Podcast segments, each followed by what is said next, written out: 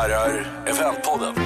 En podcast om det perfekta eventet av och med Peter Vinitsky och Jonas Botin. Eventpodden. Eventpodden. Varmt välkommen. välkommen.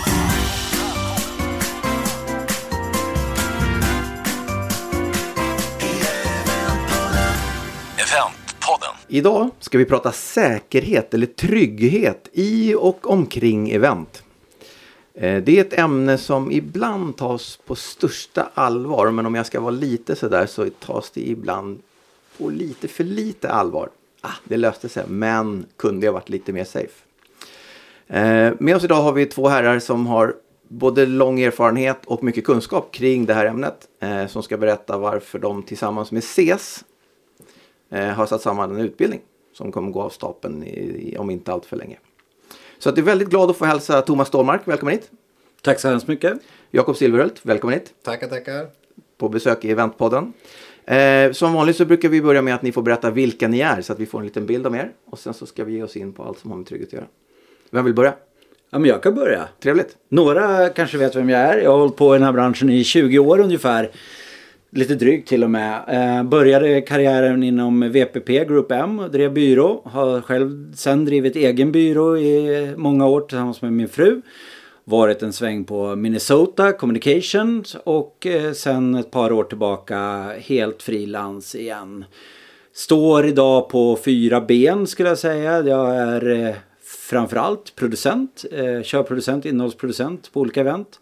Jag håller på med projektledning och då för både den klassiska eventprojektledningen men också teknisk projektledning. Så jag har varit bland annat nu då på det här EU-toppmötet är jag en av många tekniska projektledare. Där skulle vi kunna prata lite säkerhet antar jag. Ja, det har dykt upp en och annan polis och det kom någon bombhund och sniffade på oss och lite sånt där. Och vi har ju spelat Eventpodd, eh, spelat in avsnitt tidigare men då pratade vi om utbildning va? Ja men precis, för det är ett annat ben som jag står på. Säkerhet och trygga event gör jag en del då och sen eh, så föreläser jag ju på en mängd olika ställen. YH-utbildningar, Bergs och Resumé Akademi och sådär. Så att jag är lite fladdrig, lite bred, tycker att det är väldigt roligt att hålla på med många grejer och tror att jag blir bättre av det. Och eh, en massa, massa, massa kunskap och erfarenhet som, som vi såklart vill ta del av. Ja men jag hoppas det. Det brukar vara kul att prata om det. Ja, vad spännande. Ja. Kul. Jakob då? Jakob Silverhult. Ja. Jag är säkerhetskille. Har jobbat med säkerhet i nästan 25 år. Harka in på det spåret av en slump faktiskt. eh, Vid ett sommarjobb för 25 år sedan snart. Aha. eh, Som bevakningsman. Okej. Hette det då. Okej. Eh, och fortsatte på det spåret under tiden man plugga, efter man plugga. Eh, sommarjobb blev vikariat och så vidare. Eh, efter det så har jag haft ett ben kvar i bevakningsbranschen. Men sen utbildat mig vidare. Breddat mig i olika säkerhetsroller och via utbildning. Eh, och jobbat mycket med riskhantering, skadeförebyggande arbete, brandskydd, fysisk säkerhet, krishantering. Och har verkat egentligen mest inom industrin, produktion och energibranschen. Och är faktiskt kvar där än idag. Okej. Eh, Vad, är det, vad är det som triggar med, med eh, säkerhet? Eller, eller, Ja men det är väl det, är väl det här eh, oförutsedda. Det här strategiska, planeringen. ehm, Ja men också våga ta beslut och våga liksom vara handlingskraftig. Och ja, där någonstans kittlar det. Mm. Eh, Och, då, och då kom du hit idag med en bruten hand för att du har stretchat gränserna för, kring säkerhet och trygghet. Ja, precis det jag inte skulle ta upp. Jo, men så är det. Eh, och som jag svarade dig då så är det ju eh, riskhantering är ju inte bara att låta bli alla risker utan det är att förhålla sig till risker och hantera risker. Så där någonstans då kan jag väl Ja. försvara att jag åker motorcykel emellanåt. Ja, jag förstår. Mycket bra svar. Och, och hur känner ni två varandra? Ja men alltså, det är snart 11 år sedan jag och Thomas träffades. Jag var säkerhetsansvarig då på eh, ett kundföretag som skulle ha ett stort eh, jubileum. Eh, Och jag tror Thomas från eventbyrån fick säkerhetsfrågorna på sin lott. Vi upptäckte rätt snart att vi trivdes i varandras sällskap. Eh, Vi var båda väldigt intresserade av våra färdigheter och från de verkligheterna vi kommer ifrån. Eh, Och ungefär där någonstans så har det inte slutat sedan dess. Ja, vad kul. Vad Nej, och det också som vi tycker är vår, som vi ofta tycker är vår styrka. Att alltså här, Jakob kommer verkligen från hardcore säkerhetsdelen och jag kommer ifrån event och har liksom levt och andats det. Och jag kan inte alla säkerhetsbegrepp men jag har stor respekt och intresse för det och vice versa. Så det är ibland jag använder begrepp fel och Jakob använder begrepp fel men tillsammans så, så kan vi göra väldigt liksom, stor nytta med hans kunskap och min erfarenhet av event. Och och då, då blir ju första frågan så här. eh, hu- Hur är vi i eventbranschen kring säkerhet? Skala 0 till 10. Är vi... Vad skulle vi sätta oss? Ja, 0 till 10 är nog bra. Och hela vägen tänker du? Ja, ja men så här. Eh, jag vet inte, du kommer ju utifrån mer. Min erfarenhet skulle säga att det finns noll på vissa event och det finns 10 på andra event. Ju större de är eh, och desto mer publika, vi tänker Almedalen, vi tänker Eurovision, vi tänker den typen av event, eh, Expo, EU-toppmötet såklart jättehög säkerhet och otroligt allvar. Kommer vi till de här kanske lite mer som vanliga eventen som många byråer gör. Vi pratar en konferens, 500, tu- 500 till 1000 personer. Någon anläggning någonstans, Infracity eller Waterfront eller något sånt där. Ja men då kanske man inte har lagt allt det krut som man skulle ha kunnat lagt på säkerhet alla gånger. Och, eh, det är väl min bild. Jag kan instämma. Jag tycker också att det ser nog väldigt extremt olika ut. Och det har nog mycket att göra med, som Thomas säger, storlek på event. Men också vilka förutsättningar man har. Vilk, Hur organisationen ser ut, resurser, kunskap, kompetenser. Tycker väl ofta att viljan finns. Eh, och mer och mer i takt med omvärldens förändring och, och så vidare. Så att det finns väl någonting att bygga på. Och, och då för mig som alltid försöker vara så okunnig som möjligt i frågan så att jag ska vara nyfiken. Vad, drar vi, vad, vad räknar vi som säkerhet? Är det snubbla på trappen? Är det äta dålig mat? Är det att terrorattacker? Vad, vad drar ni i gränsen liksom? Ja. Okej, 0 till 10 på förra, allt på den här. Säkerhet är ju ett otroligt vitt begrepp. Och beroende på vem du frågar så tolkar man in olika saker i det. Ehm, Vad lägger ni då som experter? Ja men alltså säkerhet är ju när det kommer till event väldigt ofta man landar in öronsnäcka, ordningsvakt, brandsläckare, eh, de delarna. Vi, vi vill väl bottna det där lite och se behovet av att göra det. Att skapa en riskmedvetenhet tidigt och längs hela eventet för att få och och skapa förutsättningar för att få liksom bra effekt. Och att eh, gå ifrån att, att ha säkerhet till att veta varför, hur och, och när och, och så vidare. Ungefär så. Nej men och, och, och som du säger, säkerhet kan ju ibland också liksom bli något likhetstecken till tråkigt för många tror jag. Jag har hört kunder, ja, vi behöver inte en ordningsvakt, jag vet, den där typen. Men, men i grund och botten, och det är kanske därför också vi väljer att försöka prata om trygga event och tryggare event och utbildningen heter trygga event. Och det är ju för att det är ett bredare begrepp. Det är hela vägen från brand och, och ordning men också informationssäkerhet. Arbetsmiljö för de människorna som både jobbar på eventet men också faktiskt att vi på något sätt mer eller mindre tar över arbetsmiljöansvaret från, åt kunden som arrangerar den här konferensen de tar dit alla sina anställda. De har samlat alla sina anställda på en och samma plats. Och helt plötsligt så har vi inte koll på nödutrymning. Vi förutsätter att brandlarmet funkar på anläggningen vi är på och så vidare och så vidare. Så att det handlar ju om betydligt mycket mer än bara liksom den här vakten som står i entrén. Utan det handlar om att försöka få hela liksom flödet och, och, och att alla vi som jobbar ska komma hem till våra familjer när vi är klara med jobbet och må bra. F- Finns det, några, eh, finns det någon siffra man skulle kunna säga att, att så här många case har vi där, där det brast? Där någon blev skadad, där någon... hmm, Eller eh, kan man göra något antagande i, i... Det är lite för ofta tänker jag som, som folk går hem från event och säger att allt blev lyckat, det gick jättebra. Mm. Eh, Finns det för mörkertal eller har ni någon, har ni någon känsla för det? Nej, det är ingen känsla ska jag säga. Vi, vi satt ju och bara så här.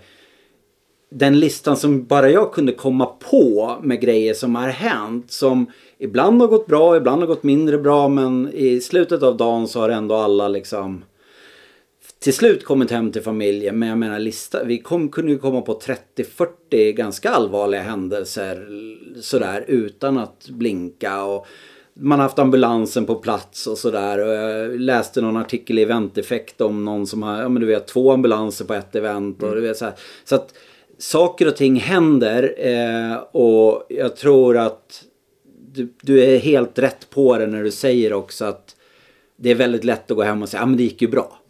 Eh, Alla var ganska nöjda. ja. Men, men ett bra event är ju också när någonting har hänt och det har hanterats som man hade tänkt och planerat. Då kan man ju fortfarande gå hem och tänka att det var rätt så lyckat ändå trots en tråkig händelse som vi inte hade räknat med. Så, Ja, sant. Det finns en, den vinkeln i, i det också. Eh, och som sagt, det är många inblandade i det och alla vill ju att det ska bli lyckat. Så man, man trycker ut det hållet. Så. Ja, spännande. Eventpodden. Ska vi gå till utbildningen?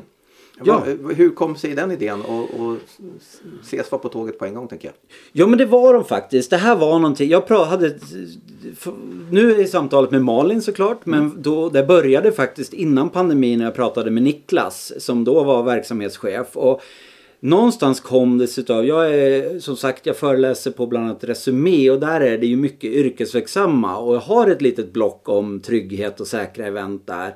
Och det brukar vara verkligen det som folk efteråt säger. Det där öppnade en del ögon för mig. Det där har jag aldrig tänkt på. Jag har aldrig funderat över hjärtstart. Jag har aldrig funderat över brandlarmet. Jag har aldrig funderat om jag ska behöva gå liksom så. Och det där har väl gått och gnagt lite i mig. Och jag, när jag var här på Minnesota så, så drev jag de här frågorna en del. Och vi hade en utbildning med projektledare. Och jag, nu idag så jobbar jag med i princip alla byråer och ser ju att så här, ja, ibland så får man en säkerhetsplan eller får lite information och sådär. Men det är inte alltid. Och, Eh, som, som producent så kanske jag som ska ha ett manus och berätta vad ska vi göra nu i någon högtalare och skicka om folk ska gå ut eller vad det nu är. Liksom. Så att det, jag har en känsla av att man kanske tror att beredskapen är högre än vad, man, vad den är. Och då tänkte vi att ja, men vi testar väl och ser och ses var på det direkt och styrelsen där vet jag. Det, är det, här, det här är ju branschhöjande. Det behöver inte vara en konkurrens mellan byråerna utan det här är ju branschen som helhet behöver det här. Så att det är jättekul och vi har planerat för två dagar. En dag då för byråer och anläggningar och en dag för eh, kunder. Okej. Och när är det här då? Slutet på mars. Slutet mars? Eh, Så det går fortfarande att anmäla sig för den. Jajamän. Ja, kul. SES hemsida. SES hemsida. Ja. SES hemsida. Jajamän. Så att det ser vi väl till att det kommer någon länk kan jag tänka mig. Ja. Mm. Absolut. Ja, vad kul. Och vart är, i vilken stad händer det? Detta händer i Stockholm. Stockholm? Okej. Ja, och, ja. eh, Kan man vara med på länk eller kan man få tillgång till någonting efteråt? Eh, vi har pratat och sagt att den här ska vara fysisk. Eh, vi kommer också att, för vi ska göra en del fysiska övningar också, titta på anläggning och sådär. Så att eh, den här blir fysisk i första läget nu, men jag vet att de redan har fått förfrågningar om skulle vi kunna göra något. Så att vi, nu kör vi fysiskt så får vi se. Kul. Ja. Eh, och nu ska inte ni avslöja allt som är i utbildningen för då, får vi, då blir den lite tunn såklart. Mm. Men, men eh, berätta lite för oss. Vad, vad, vad, vad stoppar ni i den här som, vad förväntar oss? Finns det några, jag gissar att det finns några punkter, eller jag har till och med bett er att förbereda Mm. några punkter. Vad kommer vi få? Ja, men, så här, målet är ju att ge de här verktygen för att höja sin beredskap. Eh, vi pratade lite grann innan här om att så här, skillnaden mellan det Jakob gör i sitt dagliga värv där, där liksom de är på samma plats, de är på samma fabrik eller vad det nu är och så här, man kan utveckla säkerheten. Händer det någonting så blir det en tillbudsrapport och sen så tas den där upp och så jobbar ni vidare med det för att säkerställa att här ska det inte hända något. Till eventbranschen som är på en ny anläggning varje vecka med en ny kund, med nytt team, med nytt gäng leverantörer.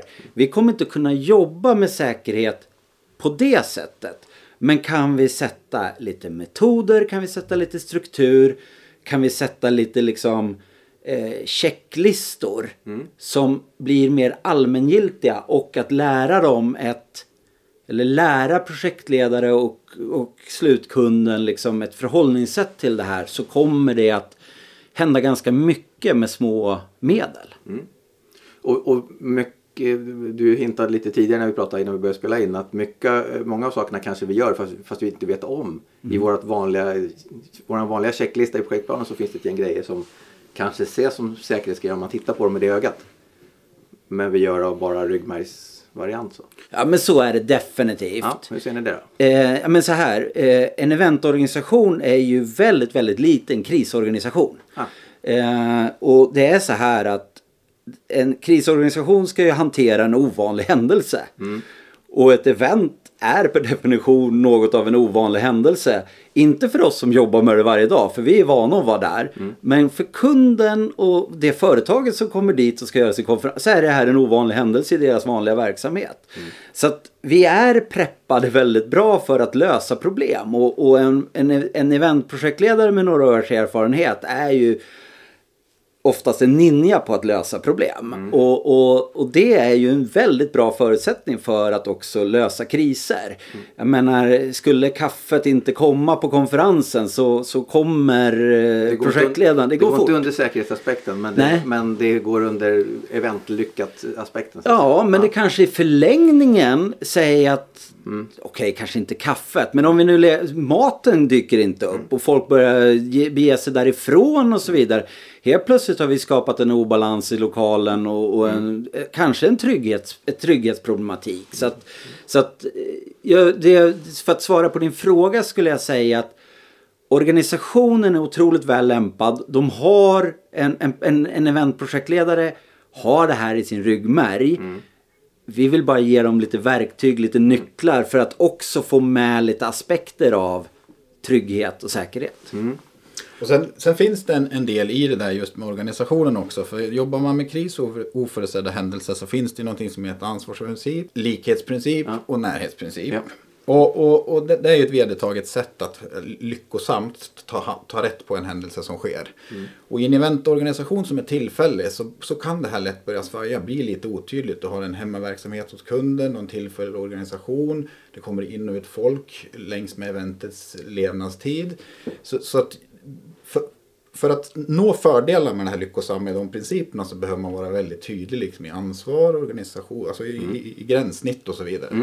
Så det hör väl till det här också. Ja. Ja, verkligen. Ja men att den personen som ansvarar i normalläget och normalläget i det här är ju eventet. Men om eventet hamnar i en kris så ska samma person ansvara för samma sak på något sätt. Vi ska inte bygga en separat krisorganisation som ska kliva in utan det ska vara... för tydliga roller egentligen. Ja, men, men att man också då vet att vad får jag besluta om? Kan jag stänga eventet? Ja. Eller måste det vara någon hos kunden som säger att nu bryter vi? Så här är ju festivalbranschen är ju så. Ja. Där har ju, där har ju när vi jobbar med den här metalfestivalen då som vi har jobbat med i många år. Då har ju vi delegerat till scensäkerhetschefen, det vill säga den som jobbar runt scenen. Han har ett gult och ett rött kort. Ett gult kort betyder att då pausar vi konserten. Och rött kort betyder att vi bryter konserten. Och det är liksom ingen snack. Mandat och klart. Mandat, tydligt, man vet vem man ska visa kortet för och då stängs det av. För att vi har en situation i publiken eller någonting. Och, och är inte det där tydligt, när fel person börjar vifta med kortet då kommer man inte veta. Ska jag lita på det där eller är det någon som har missuppfattat någonting? Och då, Och då kan då, det då, hända blir det handlingsförlamning och då kan det bli något helt annat. Så Just, att, just. Och ska vi gå till konsert och den delen så jag menar, lyssnar man på P3 Dokumentär om Roskilde och lyssnar man, försöker man läsa på lite om det här som hände nu, kommer inte jag ihåg vilken, det var en amerikansk konsert här för några år sedan när det strök rätt många människor. Båda de analyserna är ju just ansvaret var oklart. Vem har rätt att bryta? Vem har rätt att leda? Vem pausar? Vem styr det här? Och då kan det gå fort. Sen är det en annan miljö med ett gäng revisorer på eh, Annexet. Men, men eh, Men de kan de också ibland. de kan de också. Och jag har varit med om att vi hade revisorer på Annexet och de var väldigt skötsamma. Men eh, två drivande hockeyklubbar i Stockholm ha- hade fans som möttes utanför och då blir det också lite... Ja, det är mycket Det blir rörigt. Ja. Eh, hur skötsamma de här revisorerna än var. Eh, Jag har ju bett er att- förbereda ett antal punkter. Jag tror vi kom till fem stycken va? Jajamän. Eh, som ni, som ni liksom vill highlighta lite. Vad vill ni börja med? Jag skjuter in mig på tidsaspekten. Eh, säkerhet i event, väldigt viktigt att det kommer in tidigt. Så man får bygga liksom säkerhetsfrågan, att den får en plats. Eh, och att man bygger medvetenhet successivt. Då kan du med mindre medel få en större effekt. Också bättre kvalitet faktiskt i, i säkerhetsjobbet. Eh, vad mer kan man säga? Eh, Får jag fråga om, om begreppet tidigt? Eh, eh, är det redan i, för, för byrås värld, är det redan i, i offertstadiet eller är det site inspection stadiet eller vad, vad är tidigt? För vi har ju våra steg där vi liksom Ja, jag Hur skulle säga när konceptet börjar sättas. När konceptet börjar sättas. Ja. När liksom När upplägget du börjar innehåll. när du Mm. börjar bygga innehåll, när du börjar bygga mässan eller när du börjar fundera över liksom Mm. teambuilding-aktiviteten eller så här. Där någonstans behöver det komma in. Jag Mm. tror att många idag gör en riskanalys och säkerhetsplan. Det görs. Mm. Men då gör man den när liksom hela eventet är färdigt och satt. Mm. Och det har ju du... Ja men alltså att kommer man in för sent Mm. då blir det ju på slutet väldigt jobbigt. Eh, det kan vara olösta saker som man behöver lösa. Antingen blir det påverkan på eventet eller också måste man pruta på säkerheten. Och det är ju det här man vill undvika. Kan Mm. man liksom lägga med säkerheten som en naturlig del så kan man anpassa säkerheten till eventet. Mm. Och eventet kan ta hänsyn till säkerhetsparametrar som inte går att tulla på. Mm. Så det är ju... Så tidsaspekten är första, första delen och då tycker vi att man ska in vid koncept senast då. då. Där någonstans, ja. Ja. absolut. Strålande. Vad tar ni mer? Ja men du nämnde ordet medvetenhet och eh, som, som projektledare eh, inom event så är du en kommunikatör. Du ska kommunicera med en anläggning, du ska kommunicera med kunden, du ska leverantörer och så vidare. Och att i det här väva in också ett säkerhetsmedvetande eller trygghetsmedvetande. Och, och eh, vi, vi, vi, vi har försökt att säga att gå från att förvänta dig till att förvissa dig. Ja. Eh, det är lätt att säga, men jag tror nog att de har koll på läget. Jag tror nog att de har, det där verkar, tror att de har koll på. Det har man hört några gånger och det finns ju en sån här, jag vet inte om jag lärde mig i lumpen eller vad, men att tro är att inte veta. Eh, och det här är väl en variant på det. Men att förvissa sig, att bara då slå en signal till anläggningen och säga du, visst är det så att ni har en hjärtstart och du, när kollade ni ert brandlarm senast och hur fungerar det och vad vill ni att vi gör och så vidare. Det samtalet höjer både Signalerar. deras och erat medvetande. Eh, skulle jag säga. Kan man tänka sig att, att by, byråerna lutar sig mot anläggningen som har det mer i sitt obligatoriska att ha klassäkrat och sådär? Kan det finnas en risk där? Absolut, och det, det Thomas nämnde, det är väldigt lätt att man stannar att det finns säkerhet. Men kanske inte då hur, vad och varför. Eh, så att bottna det där, då kan man få rätt stor effekt på, på de säkerhetsdelar som faktiskt finns på plats. Men känner du inte till det så tappar du effekten. Kan tappa effekten.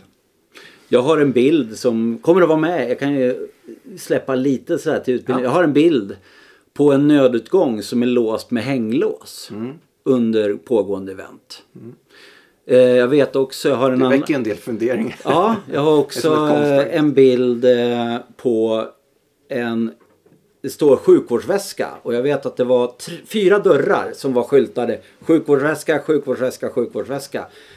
Här, jättefin skylt, sjukvårdsväska, en krok som är tom. Jag tror att om vi tre är på ett event och någon av oss faller ner blödande och de andra ska springa och hämta en sjukvårdsväska. Jag tror att pulsen kommer att En svordom lär komma. Ja, och förmodligen pulsen kommer att slå i taket och så vidare. Där anläggningarna gör sitt arbete och så vidare men man behöver förvissa sig om det. Jag tycker inte att man ska förvänta sig att alla andra har koll på läget utan det handlar om och det gör man ju redan i allting annat. Det är ju ingen som bara så här undrar. Jag tror nog att de vet när de ska komma ut med maten. Jag tror nog att teknikfirman fattar hur de ska köra ut det här. Det där förvissar vi oss om till Till minsta detalj. Ja. Så att det, han, det sitter i ryggmärgen. Det handlar bara om att ställa några extra frågor. Då har vi tidsaspekten som den första. Vi har medvetenheten som den andra. Mm. Vad tänker vi sen då? Nej, men lite dokumentation och planer. Vi har ju nämnt att en eventorganisation är lite föränderlig. Man kan, komma, man kan vara med hela resan. Vissa kommer in på slutet. Att, in, att hitta en förpackning att, att ha koll på sin säkerhet. Eh, den ska ju komma in tidigt, så man börjar redan där. Ha en stående punkt att säkerhet får vara återkommande. Då bygger du medvetenhet längs hela eventets framskridande. Eh, och har du det också i skrift så blir det liksom den enade bilden utav läget som man kan samla sig kring. Och det är nästan en nödvändighet för det är svårt att förmedla det här på något annat sätt än att ha det paketerat och i skrift. Det kan vara tillräckligt svårt i skrift men, Ja, men helt omöjligt om man inte har det dokumenterat.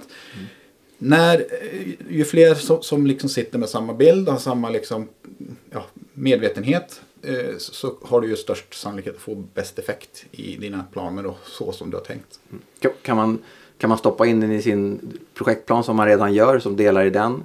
Som ju ändå går till kanske leverantör, kund, projektgrupp. Absolut, Ja. alltså ju mer integrerat säkerhet får vara kopplat till den övriga produktionen och, och framskridandet av event desto bättre är det. För du behöver ha den här medvetenheten egentligen bäst insmygande kontinuerligt hela tiden. Så att man inte lägger ifrån sig säkerhetsfrågan under långa perioder och så kommer den tillbaka två dagar innan event. Nej. Ungefär så. Och så ska man rädda det som hamnar... Ja, det. Det kan vara tufft. Och vi kommer ju aldrig kunna öva. Nej. Vi kommer inte kunna öva nödutrymning med våra gäster. Vi kommer inte kunna öva ett hjärtstopp eller någon sån grej. Vi kan gå och skicka personalen på lärarkurs, absolut. Men, men eh, de kommer aldrig att öva nödutrymning med oss. Eh, här behöver vi ha liksom gått igenom det teoretiskt. Eh, och kanske till och med att man inför eventet har gått runt praktiskt och sagt okej, så här gör vi om det händer någonting. Men vi kommer aldrig att öva det förrän det blir skarpt läge. Så att organisationen eller dokumentationen där, den blir enormt eh, viktig. Du, när du säger... Sorry. Ja, eh, nej men också just det där att inte stanna vid att vi har säkerhet. Utan att en sån där dokumentation ska också tala om vad, hur och varför. För då får du liksom den här effekten man vill åt. Får man till. Förhoppningsvis. Nu, nu vaknar jag min... Jag, jag, jag vet inte vad. Jag vet ju att jag har gjort event i drygt 60 länder. Jag tror att jag har ett par tusen event som jag har varit ansvarig för. Jag kan komma på ett enda event där vi, där vi tränar, där de tvingade gänget att, att göra just det, gå ut på nödutgångarna. Som det första grejen vi gjorde. Men det är ett event på, på tusen. Bra potential för förbättring kan jag säga. Ja, nej men så här. Man kan ju tycka då, jag, jag tog exemplet med mina barns förskola när de så här, ja på torsdag klockan 12 så övar vi nödutrymning med barnen. Eh, Se till att de har med extra strumpor för att de kommer att få springa ut i strumplästen och ska byta. Man kan, först var ju, första tanken var ju så här, men varför i hela friden ska, vi, ska de veta det i förväg? Men det handlar ju om att få in det där i ryggmärgen. Så att det ni gjorde på det där eventet är ju klockrent. Tänk om man skulle bara ta en vända med värdar och värdinnor och scenchef och lite sådär. Här har vi nödutgångarna. Här- Så här öppnar du den. Vet vilken nivå det är på det 10 minuters varvet. Vilken höjning ni har gjort då. Om brandlarmet sen går och alla går direkt till detta. För det är ju också så här. De här personerna, värdarna och värdinnorna, de har hälsat välkommen. Vi vet att det är de man kommer att titta efter. Vart tar de vägen? Vad gör de i det här läget? De blir ju ambassadörer. Ja, ja verkligen. Eh, så var ni inne på organisation som jag vet är er nästa punkt. Vad, Ja. vad, vad tänker ni där? Eh, nej men så här. Eh, det är ju som vi sa, det är en eventorganisation är väldigt väl lämpad för kris. Det är, de, är liksom, de har det i sin ryggrad att lösa problem och så vidare. Eller vi har det i vår ryggrad att lösa problem. Och jag menar, sen finns det ju då, eh, vi, vi kommer att prata om på utbildningen att man kanske, man, man har eventproblem och sen har man ett företagsproblem. Eller en utmaning ska man väl säga egentligen då. Men, men, och lek med tanken så här. Eh, Gud förbjude, vi har en stor konferens, vi är någonstans och en person faller ner med hjärtproblem.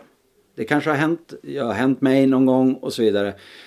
Det första som händer är att bänkgrannarna börjar någonting och ganska snabbt så tror jag att eventgänget kommer att vara framme och där har vi en minutoperativ ledning. Det handlar om att få dit en hjärtstart, det handlar om att få dit en ambulans, det handlar om det minutoperativa där. Och det kommer förmodligen landa rätt mycket på byrån. Eh, om det inte är så att det finns någon väldigt uttalad ifrån företaget som kliver in. Det, där har du det. Men du har också ett företagskrisläge här. Hur ska vi kontakta personens anhörig? Hur ska vi tänka? Ska vi fortsätta eventet eller ska vi bryta? Hur tar vi hand om de här två personerna som var först och började med hjärt-lungräddning? Eh, behöver vi ta hit debriefing? Behöver vi ta hit liksom psykiskt omhändertagande? Det är ett annat. Så att så här, det kommer att behöva vara en minutoperativ ledning men det kommer också vara en lite mer strategisk ledning av den här händelsen. Och det kan ju faktiskt vara ända ner på det lite fåniga kaffeexemplet vi hade nyss. När kaffet är slut eller inte kommer då kommer projektledaren och produktionsledaren springa och jaga och springa, ringa köket och allting sånt. Men nästa är ju eh, om folk börjar gå därifrån. Det kanske de inte gör för kaffet. Men om baren inte funkar som den ska. Då kan du ge dig fasen på att de ger sig ut på stan Eller istället. till nästa fikapaus så går de inte ens dit. För Ja. då är de inte, tror de inte att det funkar. börjar de göra andra grejer. Ja, och de försvinner och så Ja. vidare. Och då kan det bli ett företagsproblem också. Folk lämnar konferensen. Mm. Så att så här, alla, det, det kommer alltid finnas lager i de här utmaningarna. Och hur ska vi hantera den minutoperativt och hur ska vi hantera den mer strategiskt? Mm. Och sen dessutom då försöka applicera de här likhets-, närhets och ansvarsprinciperna som på något vis är vedertagna att eh, de som har koll på läget i fredstid Mm. eh, sköter det bäst i kris. Eh, ja, Eh, Den där var bra. Lyssna en gång till på den. Den var bra. Mm. De, som har koll, de som har koll i... fredstid Ja, ska ha kollen i kris. strålande. Mycket bra. Vad har vi Jo, mer då? Du? Jag kan lägga till det. Ja. Alltså, det. Det har ju också att göra med de som tar besluten i vardagen. Det är samma sak där. De tar de bästa besluten i kris. Det många har en, en tro, en övertro kanske att eh, ja, men eskalerar vi upp det här i företaget då eh, är man beslutskraftig och tar rätt beslut. Men då, då, då kommer man lite för långt ifrån kompetensen. Så man måste också i den här tydligheten i organisation ge mandat. Att de som tar ansvar för teknik, det är nog där besluten ska tas. Även när det är skorpigt. Så blir det sannolikt bättre. Jag fattar. Blir det en annan hierarkiordning? Än, alltså event i sig gör ju att hierarkier ändras.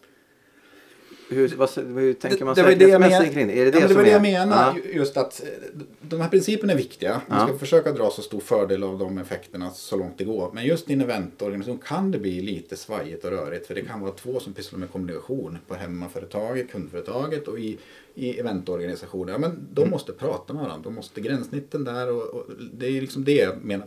Gör man inte det, Mm. då kan man inte få effekt av de här principerna. Då blir det ju rörigt och stökigt och otydligt. Ja. Och då blir det inte rätt saker som händer och sker sannolikt. Så att gör vi en, en, en, en plan, en trygghetsplan för ett event. Då är det också supertydligt. Så här, vilka har mandat ifrån företaget vilka har mandat ifrån byrån. Vilka sitter i den här krisorganisationen? Vad ska de bidra med? Och en, om, om vi är på plats, vi har ingen, vi har ingen liksom beslutande i det där. Utan vi har i så fall en rådgivande. En, man kanske är en på plats där det händer och så kan rapportera upp det där. Okej, nu transporteras personen iväg med ambulans eller vad det nu är för någonting. Så, så att det, det, det är liksom, det påminner, alltså polisen, räddningstjänsten, alla militären jobbar ju på det här sättet. Det är några som är där ute och sen har man några som är hemma och tänker vad är nästa steg, vad ska vi göra? Du har ett yttre befäl, du har ett inre befäl. Det, så här, vid en händelse så, de har ju provat det här skarpt ganska många gånger. Det är inte för inte det de gör så. Nej, förstår. förstår. Eh, vad hade ni mer då? Vi hade ytterligare en... Ja men den sista är ju utvärdering. Ja. Den, denna älskade fråga inom eventbranschen. Och som alltid görs såklart och det mäts och det görs på olika sätt och det är så här. Och det är ju en utmaning att mäta. Är det lyckat om, ingen, om alla har gått bra? Om det har gått bra, ingen är skadad? Eller är det lyckat så här? Jag tror att man måste ta med sig om det har hänt någonting. Så behöver man ta med sig den kunskapen. Men det är en jätteutmaning. Hur sprider vi den här vidare? Nästa gång är som sagt det är en ny anläggning, det är ett nytt team, det är någonting sånt. Så det, väldigt mycket kommer hända, hänga på individerna här. Att säga, okej, det där gjorde vi så, då gjorde vi så. Och det finns ju utbildningsmöjlighet på de flesta byråer idag och de har delning av kunskap och så vidare. Så jag tror att det är någonstans. Men utvärderingen är lika svår i det här som det är att utvärdera alla event. Och det är lätt att fråga vad tyckte ni om middagen och vad tyckte ni om. Men ska vi börja gräva på djupet så är den svår. Och kände du dig trygg på eventet? Det är ju en, en fantastisk fråga att ställa. Men svårt Ja. att liksom bedöma. Och kunskapsöverföra är inte helt lätt heller. För det är ju först när man är där med pulsen som det visar sig om man har snappat det. Liksom. Ja. Det är nog att försöka plocka med sig eh, framgångsrika arbetssätt, eh, stöd, Mm. dokument, planer. Det går ju att återanvända till, till, till kommande event. Mm. Eh, Att liksom ta med det. Vad fungerar bra, vad fungerar dåligt? Det här tog vi tag i i rätt tid. Ja, Mm. men det ska vi ju plocka med oss till nästa gång också. Ja men det var skönt att vi hade den där på plats. Att vi gjorde, när vi gick den där rundan så upptäckte vi faktiskt att en nödutgång var, var låst. Eh, det, Och, och, det lär väl, och det lär väl märkas i kommunikationen tänker jag under eventet. Ja. Om många kan svara när folk börjar titta lite oroligt på en. Så sänder ju det signal på att vi har check på läget och då är vi Vet du vad det ger? nej, Trygga event. trygga event. Tackar. Vi gick på den enkla. Bra.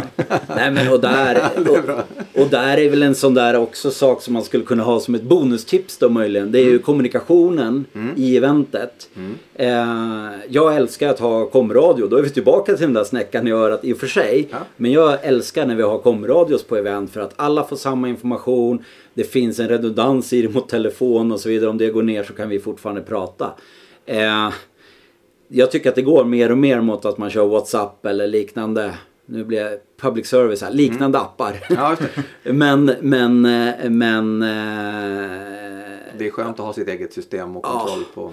Mm. Och eh, svårt att se att räddningstjänsten i, springer in i en brinnande villa och whatsappar varann om hur de ska gripa an den här branden. Alltså när det väl skorpar till sig så kommer man vara väldigt glad för att alla är lite vana att prata i radio och har en lite radiodisciplin och så vidare. Så att det är väl det är bonustipset att ha radio på event. Ja. Då ska vi sum- summera. Vi hade tidsaspekten. Ja. Vi hade medvetenheten. Ja. Vi hade dokumentationen, handlingsplanerna. Vi hade organisationen. Mm. Eh, vi hade utvärderingen. Och bra kommunikationsverktyg. Mm. Ja. Eventpodden. Om jag nu sitter som, som företagare eller som byrå och lyssnar på det här så tänker jag så här. Kan jag säkerhets eller trygghetsstämpla mitt event? Hur, hur, hur kan jag veta att jag har gjort good enough trygghetsmässigt? Det kan, Kan man jag väl kanske aldrig, Okej. i krassast frågan. Men, men du kan ju eh, vara trygg i om du har haft säkerhet med. Alltså, om man tänker sig så här, du kan ju inte förebygga allt som, eh, som, som kan tänkas hända och ske. Men du kan jobba bra med, med säkerhet. Eh, och du kommer ju, eh, det viktigaste är ju att, att ha med det tidigt och, och engagera många. Det är bra att lyfta in många perspektiv för, så att du får breda infallsvinklar. Det blir oftast den bästa täckningen i, i din liksom riskbild.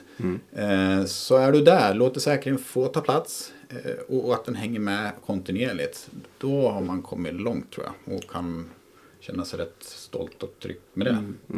Sen, sen behöver man ju såklart hjälp med viss kompetens och också lite stöd skulle jag säga. För det, att börja med vita papper och jobba med säkerhet som man inte har gjort tidigare, nej men det kan ju vara tufft. Eh, Så att ta hjälp och stöd av någon som kan, vägleder er in i lite stöd och former, processer s- som kan, som kan få det att verka fram. Ja, och det finns ju massor av duktiga företag som arbetar med det här. Eh, men om inte, om inte liksom organisationen som äger eventet, kunden, byrån, om de inte tar det på allvar och ger du kan ställa 200 man på en anläggning så står vi varenda dörr. Men om de inte vet vad de ska göra och inte vet hur den där dörren öppnas och inte vet, alltså då blir de bara en falsk trygghet. Åh, vad mycket vakter det var. Det känns tryggt. Men när det väl liksom bränner till så vet de inget. De är de som försvinner först. Så att, att så här, det- handlar om att flytta upp det från de där vakterna till att ha en grundplanering som fungerar.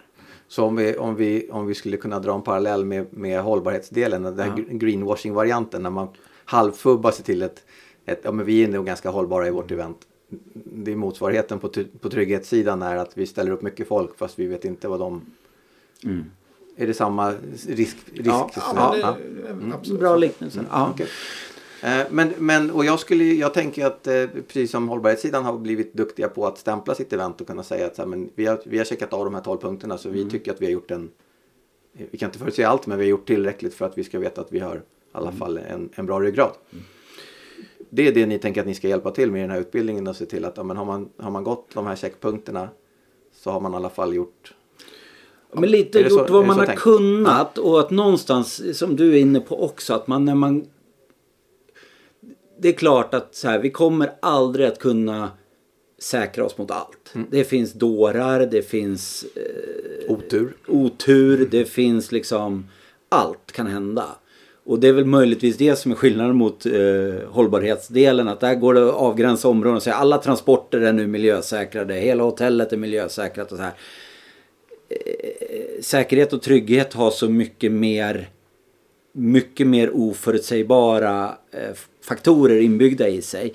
Men att, att ha gjort en 10-12 saker som du har i din handlingsplan med både liksom förebyggande och när, när om saker händer skademinimerande åtgärder. Om du liksom har gjort det här då kommer du ha en hel, alltså du kommer i alla fall att känna att ja men vi hade förberett oss så mycket vi kunde. Jag hade gjort vad jag kunde och det tror jag är det kommer att kännas mycket bättre i magen efter, även om det skulle sluta illa så har man åtminstone på något sätt skapat sig en plattform att stå på. För det är ju, ja men alltså, få bredden i vart fall. Sen djupet, det är ju avhängt väldigt mycket, stort event, organisation och så vidare. Men, men alltså att få bredden och förståelsen, klä på dem så mycket kunskaper och, och, och, och självkänsla som möjligt i att liksom Kunna ta bra beslut. Och, ja. Ja, Eh, Om, man, om, man, eh, om man får eh, fundera kring kostnadsdelen att trygga sina event. Ja, Om jag, om jag som eventarrangör eller sådär har att välja på ett, jag, jag tar mitt liveband eller jag trygghetssäkrar mitt event. Hur ska jag räkna på, på pengen? Ja, det där är en utmaning och den där... ehm, Tid förstår jag. Tid, behöver absolut. man lägga. ja, Men, och eh, eh, man, man kommer nog också behöva lägga ekonomiska resurser Mm. på det. Eh, jag förstår att de är begränsade och vi har också i den här utbildningen pratat om att så här, vi har knappt tid idag. Vi pratade om det innan. Mm. Eh, projektledare idag på eventbyrå är inget glassigt jobb. Det är sent och det är mycket och det är allting sånt och de hinner knappt med det de ska planera det som ska hända och att då dessutom behöva planera det för det som inte ska hända det är tufft. Och att gå till en kund och säga så här, vet du vad, vi tänkte börja göra säkra och trygga event för er nu. Ja men vi har jobbat ihop i tio år, jag trodde nog att ni alltid gjorde det. Så det är en ek- pedagogisk problematik i det där.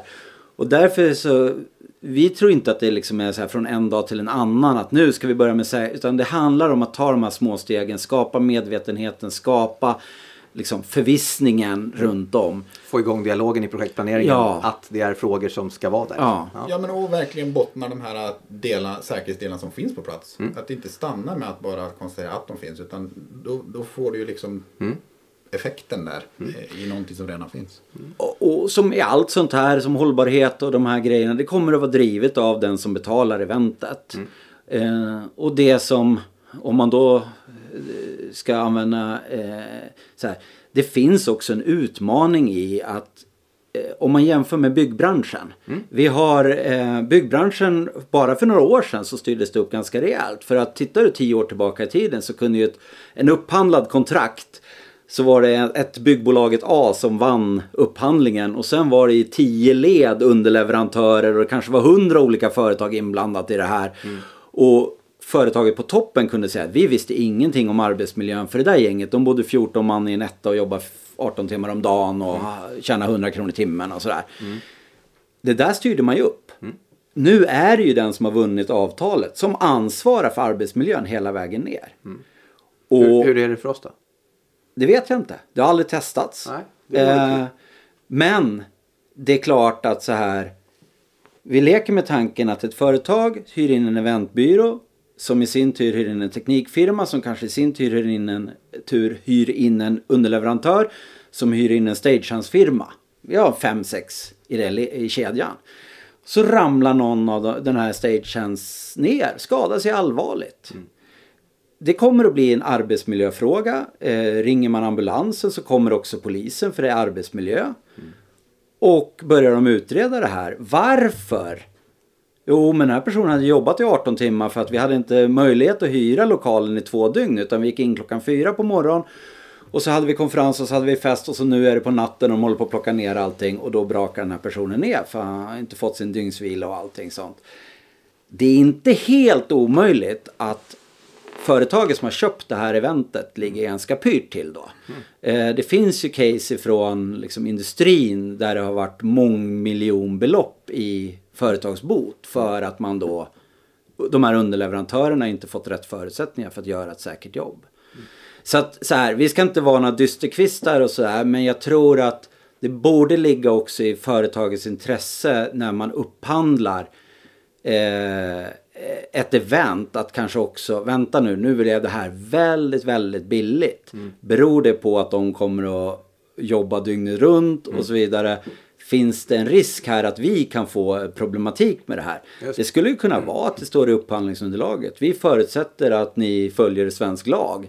Då har man kommit en bra bit på vägen och vi kommer liksom att när vi gör upphandlingen är det någon som har kollektivavtal så är man prioriterad. Alltså det finns ju en del upphandlingar men, men och jag vet att kollektivavtal är ovanligt i våran bransch. Men, men Det var en annan sak som var ovanligt i vår bransch. Att någon säger att det här var för billigt. Det, Ja. det, nej, jag kommer inte ihåg riktigt. Nej, det, det- kan ha hänt. nej. men inte inte Nej, för ofta. inte så ofta. Men däremot så, så, såklart risken ska man ju veta om. Eller vad, ja, sammanhang som man sätter i. Ja, nej, men jag tänker att om de reagerar på att det är billigt så kanske det också finns en risk för dem. Eventpodden. Nu kommer jag till den mest spännande frågan på, som vi alltid ställer och det är ju när något gick fel. Och fråga två stycken som är ansvariga för trygghet och säkerhet. Eh, har ni några case när, när säkerheten inte höll? Nej men jag har ett, eh, faktiskt ett allvarligt. Eh, jag drev ju byrå i många år och hade ett gäng väldigt, väldigt dedikerade anställda. Eh, och vi jobbade långa dagar och sena kvällar och långa nätter och sådär. Och i det här fallet då så skulle vi, vi gjorde en konsert. En stor konsert, säkert 8000 personer på plats och sådär. Och det vart sent på natten, klockan vart nog ett, två innan de här, mina kollegor fick komma hem till hotellet och vi sova. Och dagen efter skulle de sätta sig och köra en bil ner till eh, en annan stad, två timmar bort eller någonting. Och har man sovit ett par timmar och sen varit vaken väldigt många timmar så slutade det precis som eh, man kan tänka sig. Hon som körde somnade. Som tur är eh, så tog de bara ett sånt här staket och bilen vart förstörd men de mådde bra. Men eh, jag kan fortfarande, jag skäms fortfarande över det där och kan känna att det där var en väckarklocka för mig och det var liksom Ja. Eh, Jag förstår absolut. jag får- på samvet, samvetet att något... Nu klarar de sig som tur Ja, de men- klarade sig och det hände faktiskt en grej till. De var ju trötta och naturligtvis chockade av det där och det, de, de tappade någon grej när de kom fram och det var liksom bland barn. Du vet, det var... Jag har bara känt efteråt att sådär, det där, Mm. jag måste verkligen tänka mig för. Och, så det är en bl- ärlig blooper som, eh, som verkligen. Mm. skakar om mig rejält. Jag får fortfarande nästan tårar i ögonen när jag tänker på hur illa det kunde ha gått. Mm. Jakob, har du varit med om någon... Kanske ingen, jag vet inte vad du har för definitioner på blooper, men, men självklart så har det hänt saker som eh, icke önskvärda och som har varit rejält pulshöjande. Eh, allt ifrån eh, skyfall som fyller en källare där både elcentral och artistloger var. Jag Det menar- kom väl upp lite otrevligt. Ja, det gick liksom lite fel saker bakvägen upp från, Jag från avloppet. Och.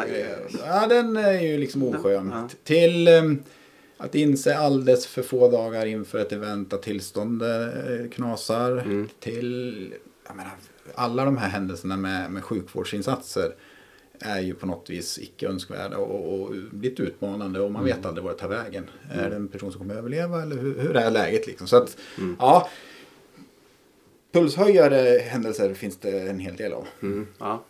Då får jag ta en också som är, apropå det du sa med när ambulansen kom två gånger. Vi, det var några, ett, inte- inte så stort gäng men de bestämde sig för att de skulle ha en liten AV och ta lite öl och så, så skulle de spela innebandy i, turnering inom företaget. På en halvtimmes innebandy så är det två korsband och hälsenor som går. Så när ambulansen kommer andra gången så bara tittar de på oss och så säger de nej. Nu får ni sluta spela, gå och sätt er i sofforna. Så man bara avbryta och så. Nej, chefen skämdes ju. Han hade fightats för att det där skulle gå igenom. Ja. Jag funderar på det här finska veden. Han verkar ju också ha kul firmafester. Ja. Det var ju det här. Först fastnade de ju i Ja, att de, där ja. Först så tömde de en svit på någon Finlandsfärja och hans svar var när vi festar så festar vi. Ja. Och nu hade de ju förstört någon pool nere på... Det var nästa, det var ju bara någon månad senare. De verkar ofta ha företagsfester och det verkar gå rejält hårt till. Så att, eh, Vi- Vi generaliserar inte Finland men just den veden. eh, just de! eh, Alla andra är ju en liten, hur lugna som helst. Man kanske skulle behöva gå utbildningen som ni ska ha. Ja, jag tror att eh, vi skickar en personlig inbjudan till Ja, det kan nog vara bra. Det kan vara bra. Men vi, då, då, jag tänker att vi avslutar med att tala om att man ska anmäla sig på ses.ses hemsida.